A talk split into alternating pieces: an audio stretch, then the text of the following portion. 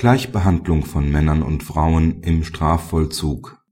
Ein Strafgefangener hat sich vor dem Bundesverfassungsgericht erfolgreich gegen die Ungleichbehandlung von Männern und Frauen in seiner Haftanstalt gewehrt.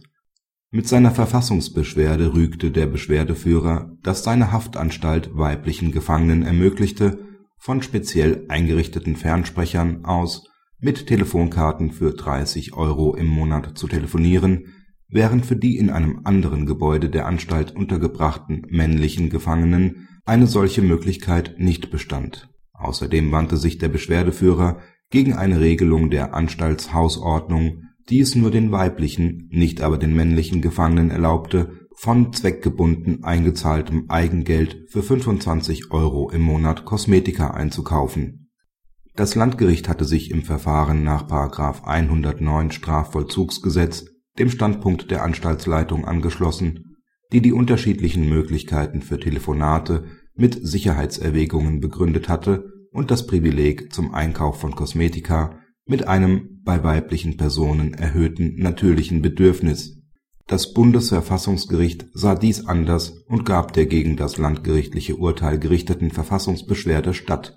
Die Karlsruher Richter betonten, dass es nicht im freien Belieben der Justizvollzugsanstalten stehen könne durch die unterschiedliche Ausstattung von Unterbringungseinrichtungen faktische Benachteiligungen von Männern oder Frauen herbeizuführen. In der Begründung des Landgerichts vermissten sie eine Darlegung, weshalb die angeführten Sicherheitsbedenken eine Ungleichbehandlung von männlichen und weiblichen Gefangenen notwendig machten, denn die höchste Sicherheitsstufe galt hier für die gesamte Anstalt, also auch für die weiblichen Gefangenen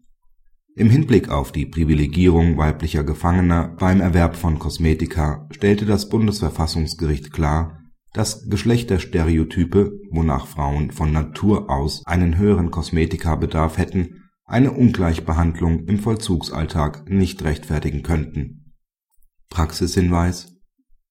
Der Beschluss belegt die bedenkliche Praxis der Gerichte Entscheidungen in Strafvollzugssachen mit pauschalen Verweisen auf Aspekte der Anstaltssicherheit zu begründen. Es ist erfreulich, dass das Bundesverfassungsgericht mit seiner Entscheidung höhere Begründungsstandards und insbesondere eine vertiefte Auseinandersetzung mit den betroffenen Grundrechten der Strafgefangenen anmahnt, und es bleibt zu hoffen, dass nun nicht jegliche Telefonmöglichkeit wegfällt. Die Entscheidung zeigt zudem das vom Diskriminierungsverbot des Artikel 3 Absatz 3 Satz 1 Grundgesetz durchaus auch Männer profitieren können